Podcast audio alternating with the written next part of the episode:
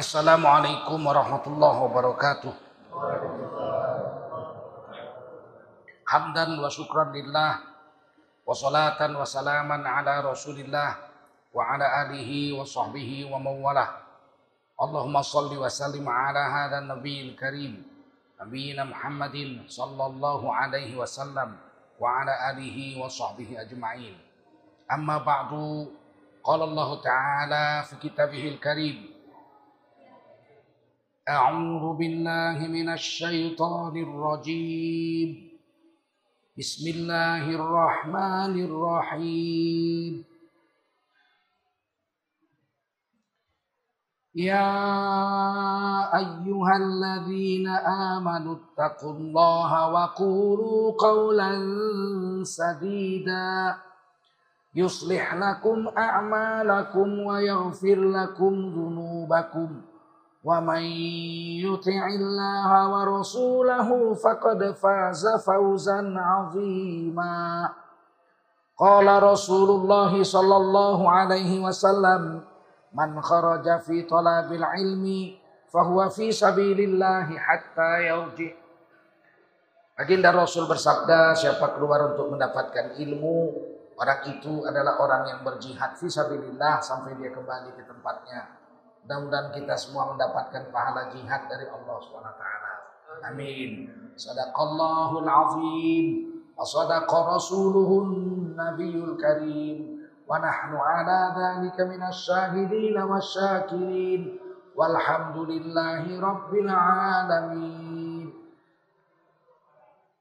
Para ulama, tuan-tuan guru yang dimuliakan Allah SWT pengurus masjid Al Asmaul Husna yang dimuliakan Allah SWT, oh Bapak Ibu-ibu hadirin wal hadirat, jemaah subuh yang dimuliakan Allah SWT.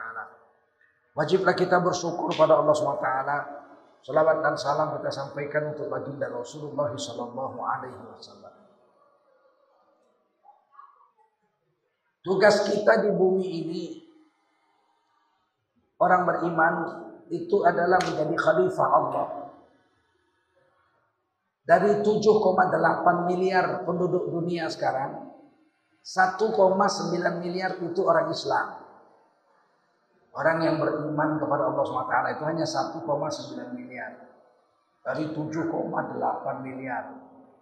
Jadi lebih banyak orang kafir di dunia ini daripada orang beriman. Alhamdulillah dari 1,9 miliar itu kita termasuk orang beriman itu. Alhamdulillah. Dan kita dilantik Allah jadi khalifah. Wa huwallazi ja'alakum khalaifal. Dialah Allah yang telah mengangkat kamu semua menjadi para khalifahnya di atas bumi.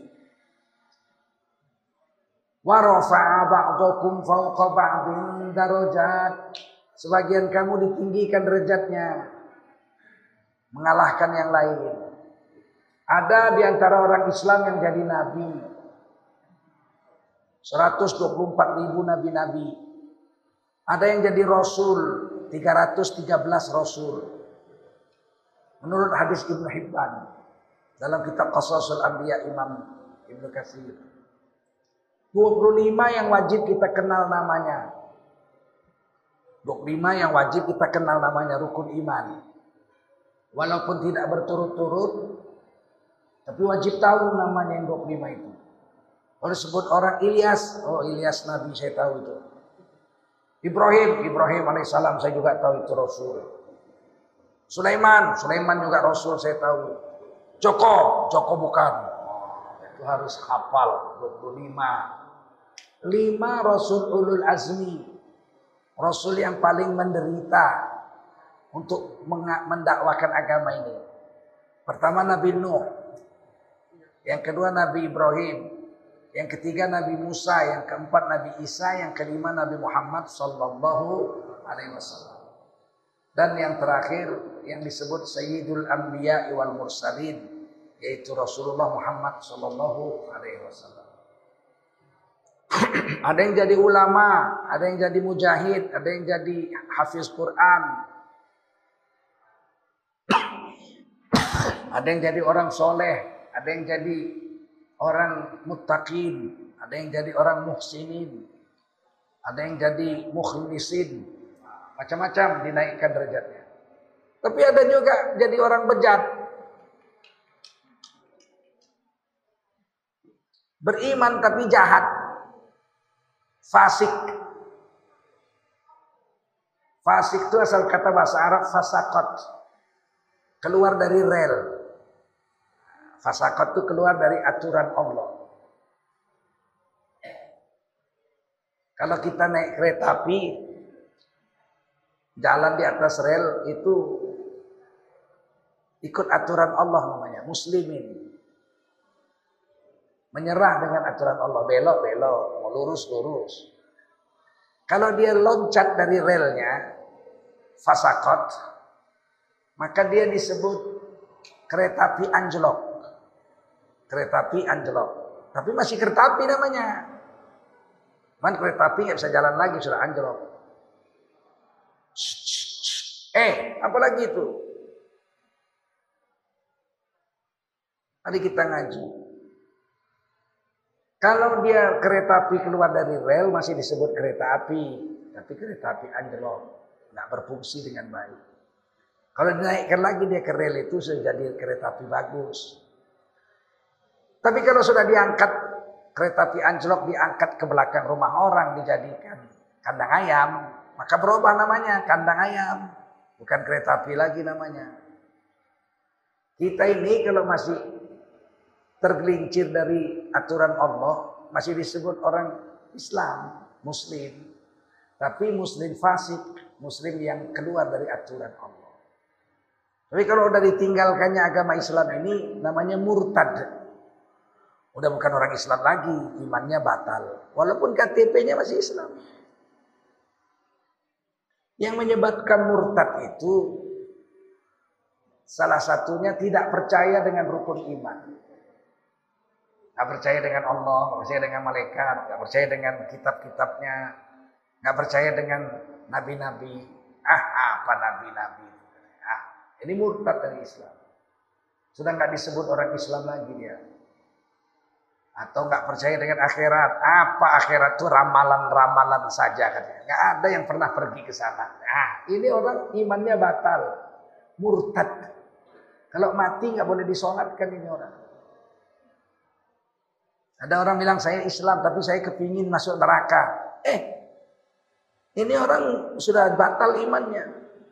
Sebab kata Allah, "Fattaqun narul lati waquduhan nas wal hijarah wa iddat lil kafirin." Takutlah kamu dengan neraka yang bahan bakarnya adalah manusia dan batu-batuan yang dijanjikan untuk orang-orang kafir.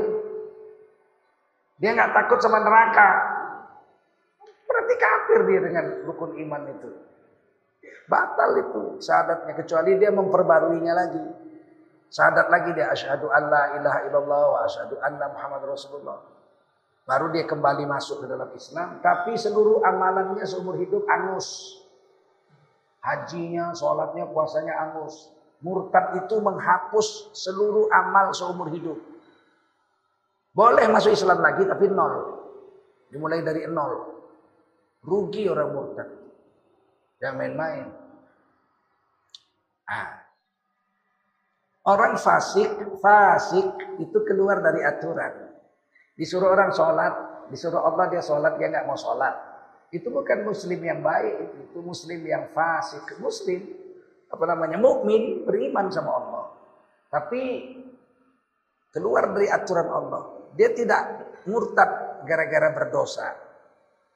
Kalau nggak mengakui rukun iman, nggak mengakui rukun Islam, dia murtad dari Islam. Tapi kalau tidak tidak menjalankan agama, dia tidak murtad, tapi dia disebut fasakot, keluar dari aturan Allah. Orangnya disebut fasik. Apa namanya? Fasik. Orang fasik ini tiga macam.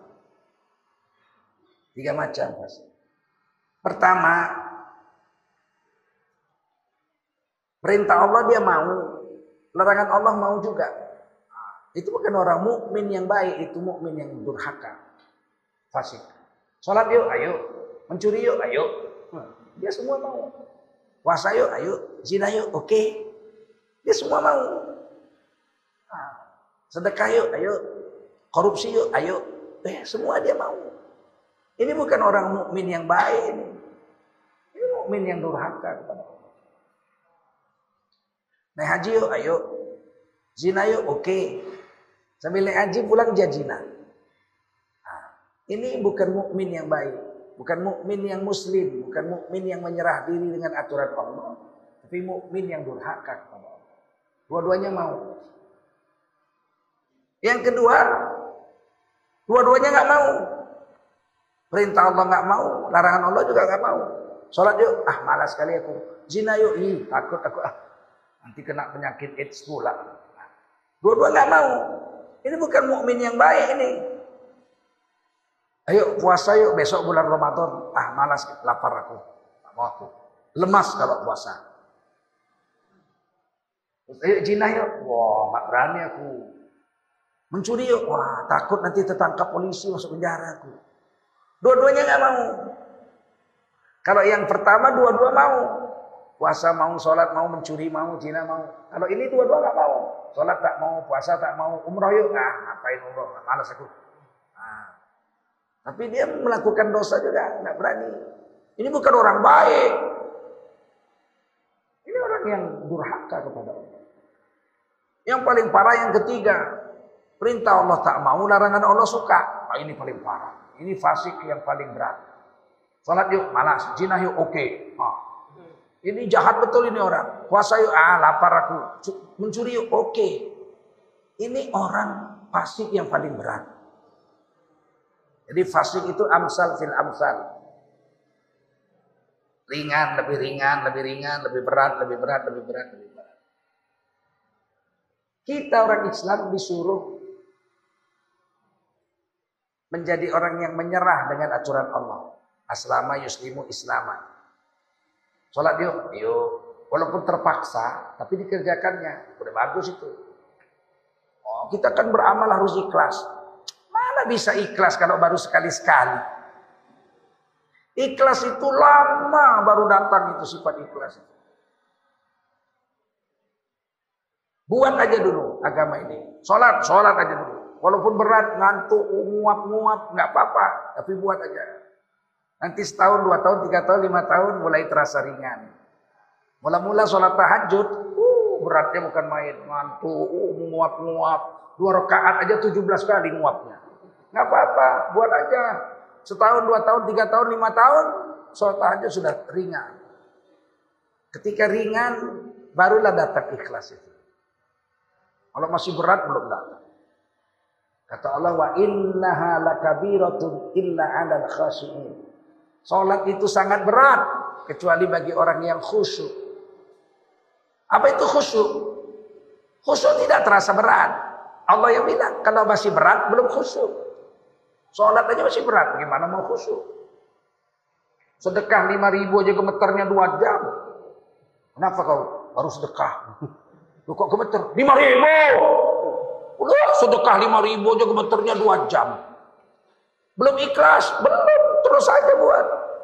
Saya jumpa orang miskin lima ribu, gemeter lagi. Saya jumpa orang miskin lima ribu. Lama-lama kan lima ribu sudah mantap. Naikkan sepuluh ribu, gemeter lagi. Oh, dua tahun kemudian sepuluh ribu sudah mantap. Naikkan lima puluh ribu, gemeter. Sama jenggot-jenggot juga gemeter. Lima puluh ribu. Tapi lima tahun kemudian lima puluh ribu mantap. Udah datang ikhlasnya itu. Naikkan lagi, datang orang minta sedekah kasih seratus ribu. Yang menerima gemetar. Itu sudah jadi. Jadi memang begitu agama itu. Mula-mula dipaksa dulu. Dipaksa dulu. Lama-lama, lama-lama terasa ringan. Ketika terasa ringan, mulailah datang ikhlas itu. Sama dengan orang belajar bawa mobil. Mula-mula sibuk kali, Ditegur kawannya, eh uh, belum tahu dia sedang bawa mobil berbahaya. Ditegur-tegur nanti nabrak orang. Iyalah baru-baru belajar. Lima tahun kemudian sambil minum dia jalan. eh bapak tenang. Udah udah lima tahun jadi supir. Terasa ringan. Kenapa? Sering dibuat. Agama ini harus sering dibuat. Supaya terasa ringan. Baca Quran, selembar aja dulu berkeringat. Tiap hari. Lima tahun kemudian satu juz tenang-tenang aja baca Quran satu juz. Tapi dia perlu latihan terus, terus, terus dan terus menjalankan perintah Allah sekuat tenaga dan meninggalkan larangan Allah sekuat tenaga. Itu orang yang bertakwa. Kalau sudah bisa kita mengerjakan perintah Allah dan sekaligus meninggalkan larangannya, kita disebut orang yang bertakwa. Karena takwa itu mengerjakan perintah Allah yang wajib dan yang sunat. Sekaligus meninggalkan larangan Allah yang haram dan yang makruh. Itu takwa. Kalau kita mati dalam keadaan bertakwa, udah latihan 10 tahun, 20 tahun, bisa kita mengerjakan perintah Allah, meninggalkan larangannya sekaligus. Takwa. Kalau mati, masuk surga nggak diperiksa-periksa, itu hebatnya orang bertakwa. Wasari'u ila maghfiratim mir rabbikum wa jannah. Rebutlah tempat pertama untuk mendapatkan ampunan dari Tuhanmu dan mendapatkan surga. Arduhas samawati wal ard. Surga itu seluas seluruh langit ditambah seluruh bumi. Uiddat lil muttaqin. Itu surga dijanjikan untuk orang yang bertakwa. Kalau neraka dijanjikan untuk orang kafir. Uiddat lil kafirin. Kalau surga untuk orang yang bertakwa. Kalau kita mati dalam keadaan bertakwa, masuk surga langsung. Nggak diperiksa-periksa. Wasiqal ladzina taqaw rabbahum ilal jannati zumaro. Allah giring orang bertakwa serombongan, serombongan, serombongan, serombongan masuk surga. Enggak diperiksa. Karena orang bertakwa ini hidupnya lurus. Perintah Allah dia kerjakan, larangan Allah dia nggak mau. Kan hebat itu.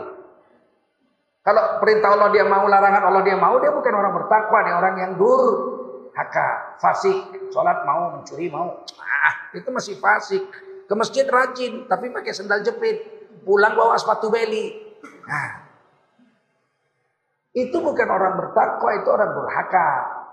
Kalau mati dalam keadaan bertakwa, masuk surga nggak diperiksa-periksa.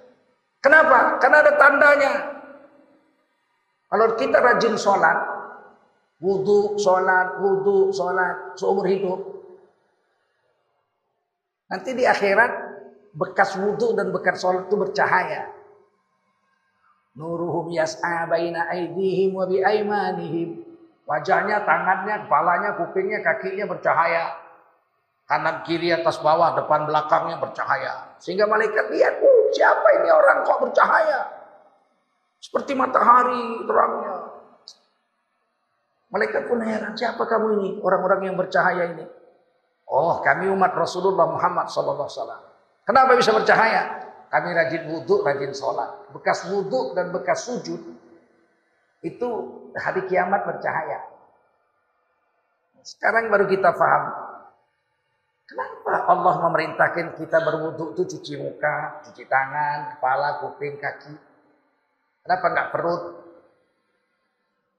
Kata ulama hikmahnya Allah perintahkan cuci muka, cuci tangan, kepala, kuping, kaki waktu berwudu. Ini bagian yang tidak dibungkus baju. Di hari kiamat, bagian yang tidak dibungkus baju. Sehingga kelihatan bercahaya. Maka malaikat nanya, kamu percaya? Iya, karena kami rajin sujud dan rajin wudhu. Sekarang mau ke mana? Kami mau ke surga. Oh iya, silakan masuk. Surga itu ada delapan pintu. Berapa? Pintu pertama babus sholat. Pintu untuk orang-orang yang menjaga sholatnya. Unggul sholatnya waktu di dunia. Masuk lewat pintu babus sholat. Berduyun-duyun. Nggak diperiksa. Cukup lihat wajahnya, tangannya bercahaya, malaikat sudah tahu ini ahli sholat, ahli wudhu, silakan. Orang-orang yang kenal dengan dia ikut menyerbu masuk. Itu bapak saya, itu paman saya, itu bibi saya, itu pembantu saya, oh itu kan satpam saya. Loh, itu supir saya itu. Menuju surga semua. Maka mereka ikut mengejar. Di stop sama mereka. Wamtazul yauma ayyuhal mujrimun. Orang berdosa minggir.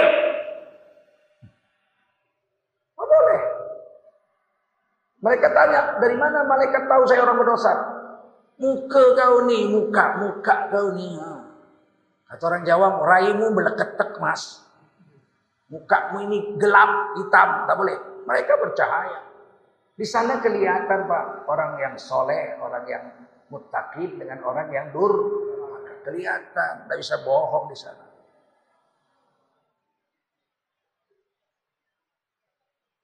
Pintu yang kedua babur rayyan. Itu untuk orang-orang yang unggul puasanya. Puasa wajib, puasa sunat rajin. Di sana nanti dia tidak bercahaya. Orang yang rajin puasa tidak bercahaya. Yang rajin wudhu dengan sholat yang bercahaya. Kalau unggul puasanya, ciri-cirinya, tanda-tandanya mulutnya harum. Dalam hadis, dalam kitab Ihya, Imam Ghazali menuliskan satu hadis La khulufu famis atyabu indallahi min rahil misik. Demi sesungguhnya bau mulut orang yang puasa, bau apa enggak? Mulut orang puasa bau enggak? Di dunia bau enggak? Atyabu indallah. Nanti di sisi Allah lebih harum min rahil misik daripada harumnya minyak kasturi. Ini minyak kasturi nih. Nah, ini minyak kasturi. Saya bawa minyak kasturi. Susah menjualnya saudara-saudara kita yang menjual ini karena musim kopi dia minta jualkan saya, saya bikin gambar saya sini.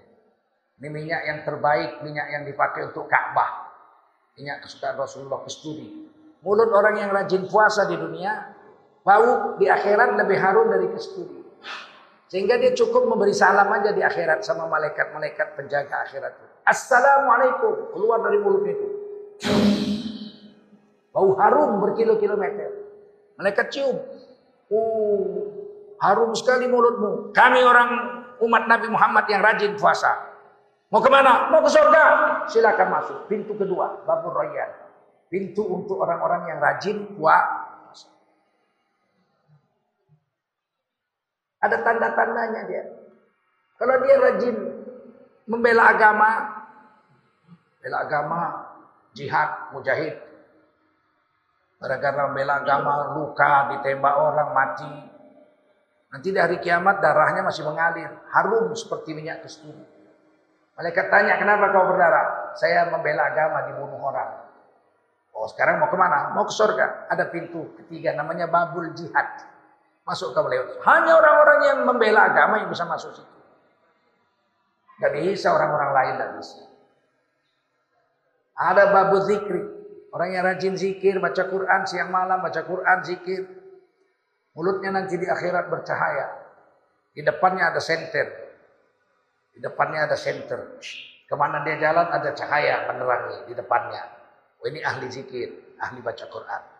Masuk pintu babu zikri. Orang yang tidak unggul zikir dan Quran dia tidak bisa masuk lewat situ. Apa bagus sodakoh? Orang yang siang malam sedekah, membantu agama, bantu orang miskin. Di sana masuk lewat babu surat. Ada tanda-tandanya, tangannya bercahaya, terang benderang. Masuk.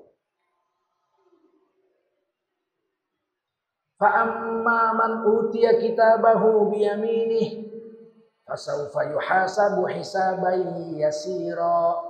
Orang-orang yang mendapat catatan amal dari tangan kanan mereka akan masuk surga dengan pemeriksaan yang sangat enteng dan ringan.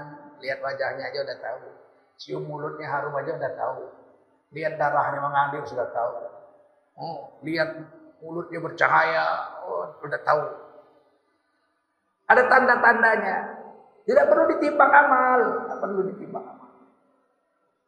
Semua orang bertakwa masuk surga habis, Orang kafir semua masuk neraka habis. Tinggal yang di tengah-tengah.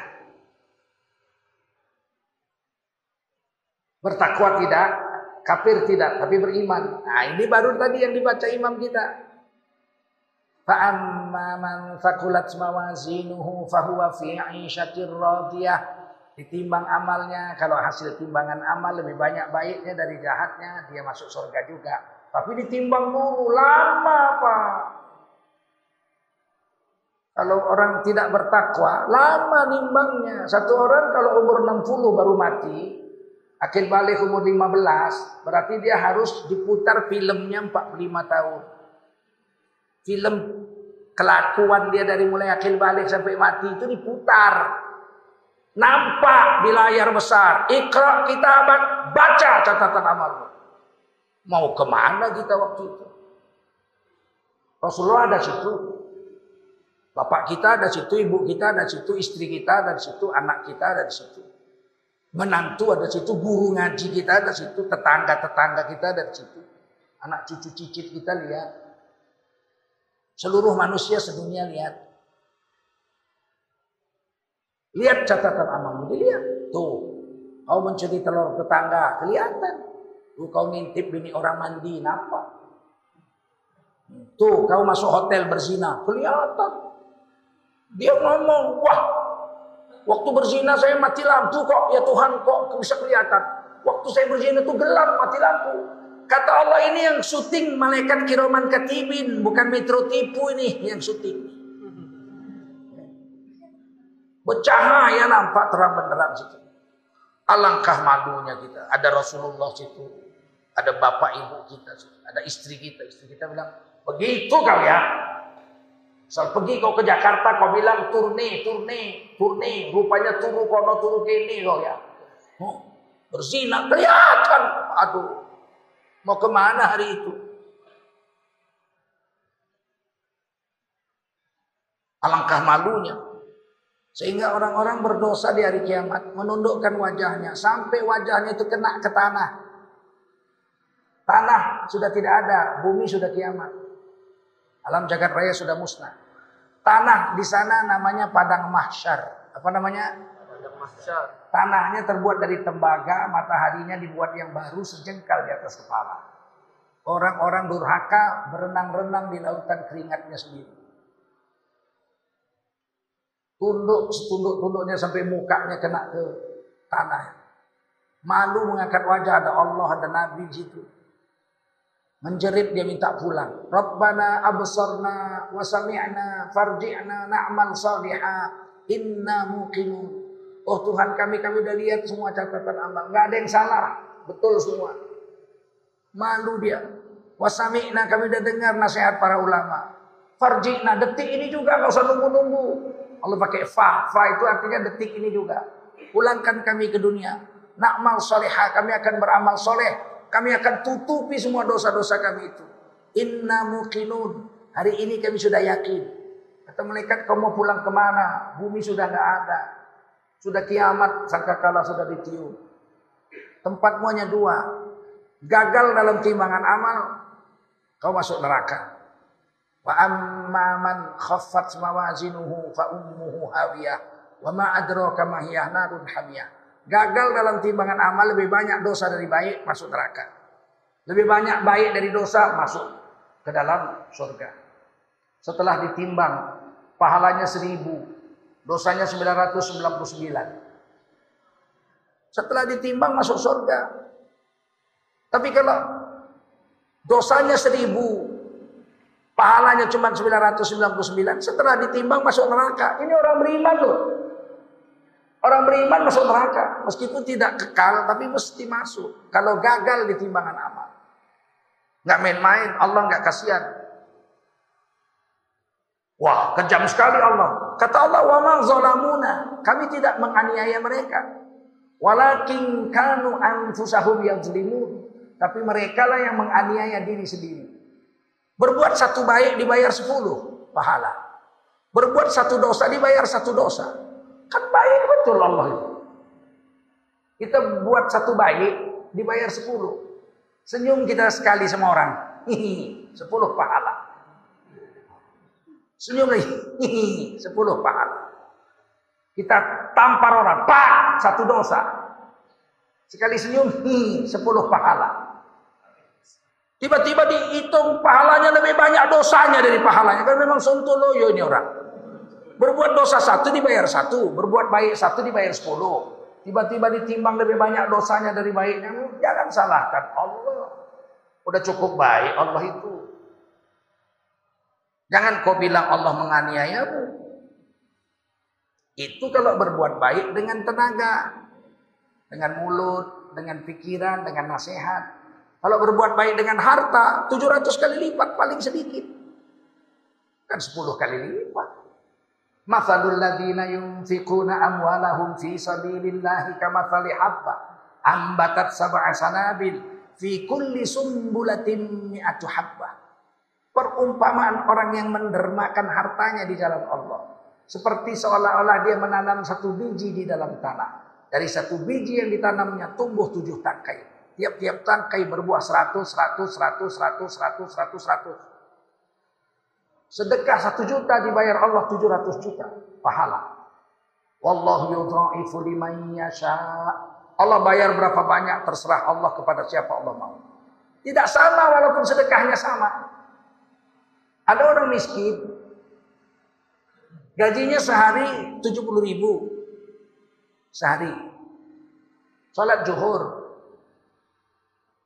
Tiba-tiba panitia masjid bilang, masjid kita bocor, mau diperbaiki perlu uang 3 juta. Diambilnya di dompetnya 70 ribu gaji hari ini. Diambilnya 35 ribu, separuh dari gajinya. Sumbang untuk bocor masjid. Datang orang kaya naik mobil, dengar masjid mau diperbaiki, perlu 3 juta. Diambilnya dari kantongnya. 35 ribu dikeluarkannya juga. Sama. Orang miskin dan orang kaya nyumbang 35 ribu. Sama pahalanya? Beda. Orang ini orang kaya punya kebun sawit 1000 hektar. Tapi nyumbang 35 ribu. Orang miskin tadi setengah gajinya hari itu. Sama-sama 35 ribu. Bayarannya paling sedikit 700 kali lipat. Bisa lebih dari itu. Yang 35 ribu orang miskin tadi sampai rumah dibentak bininya lagi dia. Mana uang hari ini? Kok cuma separuh? Tadi sedekah di masjid. Sok kaya kau. Miskin aja sok nyumbang-nyumbang. Istri sekarang pun parah juga.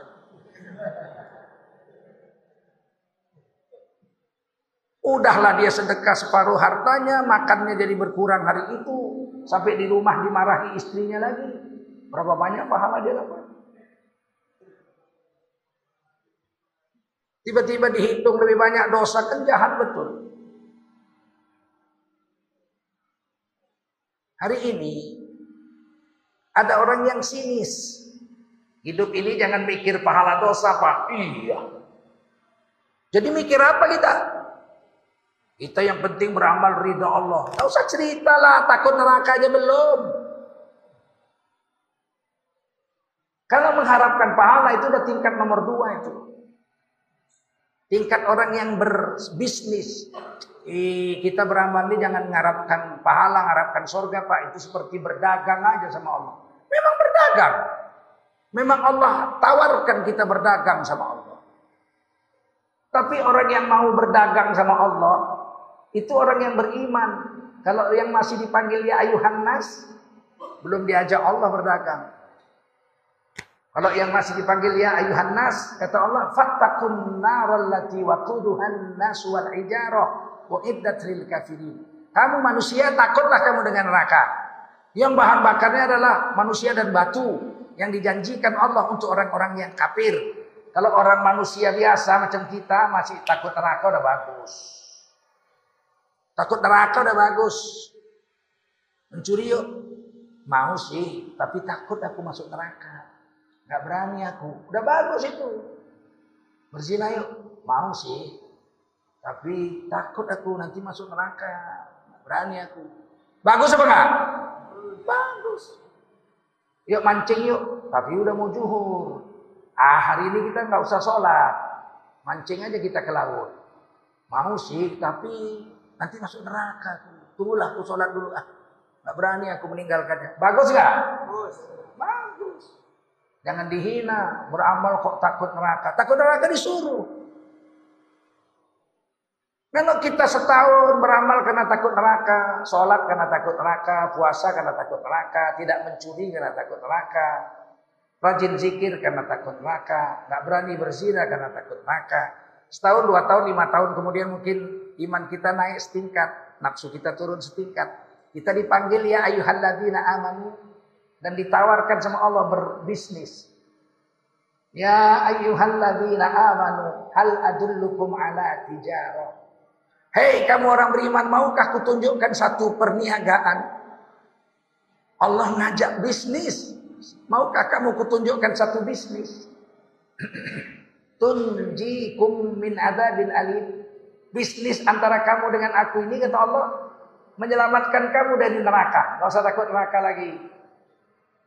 Usah takut neraka lagi. Tapi kamu akan dapat surga. Ah, ini yang kedua.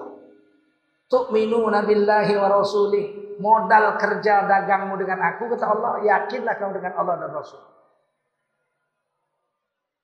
Ini yakin dengan Allah dengan Rasul ini nggak bisa pakai mata, Pak. Nggak bisa idol yakin, nggak bisa. Sebab akhirat nggak nampak. Janji Rasulullah, janji Allah tuh nggak kelihatan di dunia. Kata Rasulullah, siapa mengucapkan satu subhanallah, tumbuh satu pohon di sorga. Yang besar batang badannya itu tidak selesai dikelilingi kuda tercepat 100 tahun. Berapa besar pohon kayunya itu. Menanamnya di dunia. Syaratnya beriman dan mau bertasbih. Ucapkan subhanallah, tumbuh satu pohon di sorga. Semua subhanallah. subhanallah. Bapak ibu dapat satu pohon di sorga. Saya dapat satu hutan. Kan saya yang suruh. Itu hebatnya orang berdakwah itu. Semua pahala orang sama dia. Ulangi, subhanallah. Subhanallah. Bapak Ibu dapat dua pohon di surga. Saya dapat dua hutan. Tapi ini nggak bisa dilihat dengan mata. Diyakini dengan hati. Diyakini dengan iman. Hakul yakin. Gak bisa dengan idol yakin. Orang nggak nampak. Agama ini janji Allah dari Rasul ini tidak nampak, Pak. Dia diyakini dengan iman. Kata Rasulullah rakaat fajri khairul laka minat dunya wa ma fiha. Dua rakaat salat sunat sebelum subuh lebih baik dari seluruh dunia dan isinya. Oh. Kalau begitu siapa orang paling kaya di dunia? Oh, kita bilang orang paling kaya di dunia Bill Gates Pak yang punya Microsoft. Donald Trump, Presiden Amerika kemarin. Ah, kalau kata Rasulullah Donald Trump itu miskin, tambah Donald bebek pun miskin. Karena nggak punya iman, betul? Kata Rasulullah orang paling kaya orang yang sholat sunat dua rakaat sebelum subuh, dia dapat lebih besar dari seluruh dunia dan isi. Tapi itu dilihat dengan iman, tidak bisa dilihat dengan mata, karena nggak nampak. Kenapa akhirat nggak nampak? Dunia nggak mampu menampungnya.